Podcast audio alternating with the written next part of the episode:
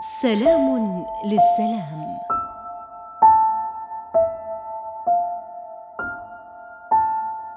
هنا حيث هجرها العالم والأمان سكنها الإيمان بالله والقرآن. حملت بين حجرات قلبها أربعة أطفال ومصير خامسها الغياب. تبرعت بجزء من جسدها لتصل الأرحام. لم تعلم ما حالها بين الناس سوى أنها على قيد الحياة. تبيع من خيرات الأرض لتطعم أطفالها.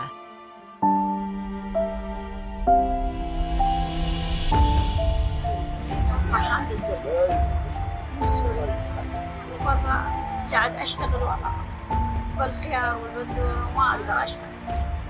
عندي أربع أطفال عمرهم تسعة تسعة. صغار والولاد الكبار تسعة تسعة أعمار.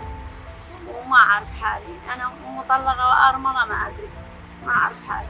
إن شاء الله نظل هنا بأمان إن شاء الله أن الله قربان عين وسامح. نتسامح إحنا ونرجع على وطننا. نصير كلنا عرب وحدة. نفسي أطلع. من المخيم هوية أمنية وظل أتعالج أتعالج بسحاب كده. بيها رمل وبيها عندي غلط وليش نعم. ما عندي حدا يعيش بدي نفسي أطلع رحت على خالته ست أشهر وأنا مسجل ورجعت البيت. ظليت واقف على الدور. للعصر شوفتهم التقرير فوتوا لي على الدور. يقولوا لي يا خالة مرفوضة أعمل ما عنديش حدا يشوفني ما أعرف ليش رفضوني وأنا برا عايش. طالع بإجازة وما رجع الست أشهر هاي إجازتي مخيم الأزرق حتى يوم أرد ما يحطوا لي منع يعرفون وراي. أطفالي هذول عمرهم عيسى وحسين تسعة والبنيات هاي عمرها سبع سنين وأتمنى أعلمهم ويدرسون ويدرسون كل عربي ويسولفون أجنبي.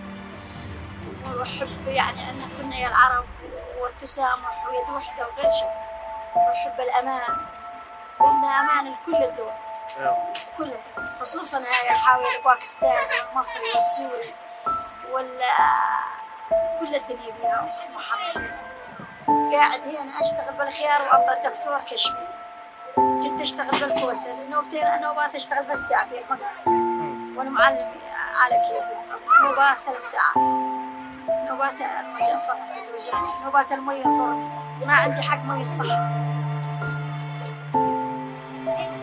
أريد أعيش ولدي كيف لامرأة كتلك أن تسكنها القوة والصبر؟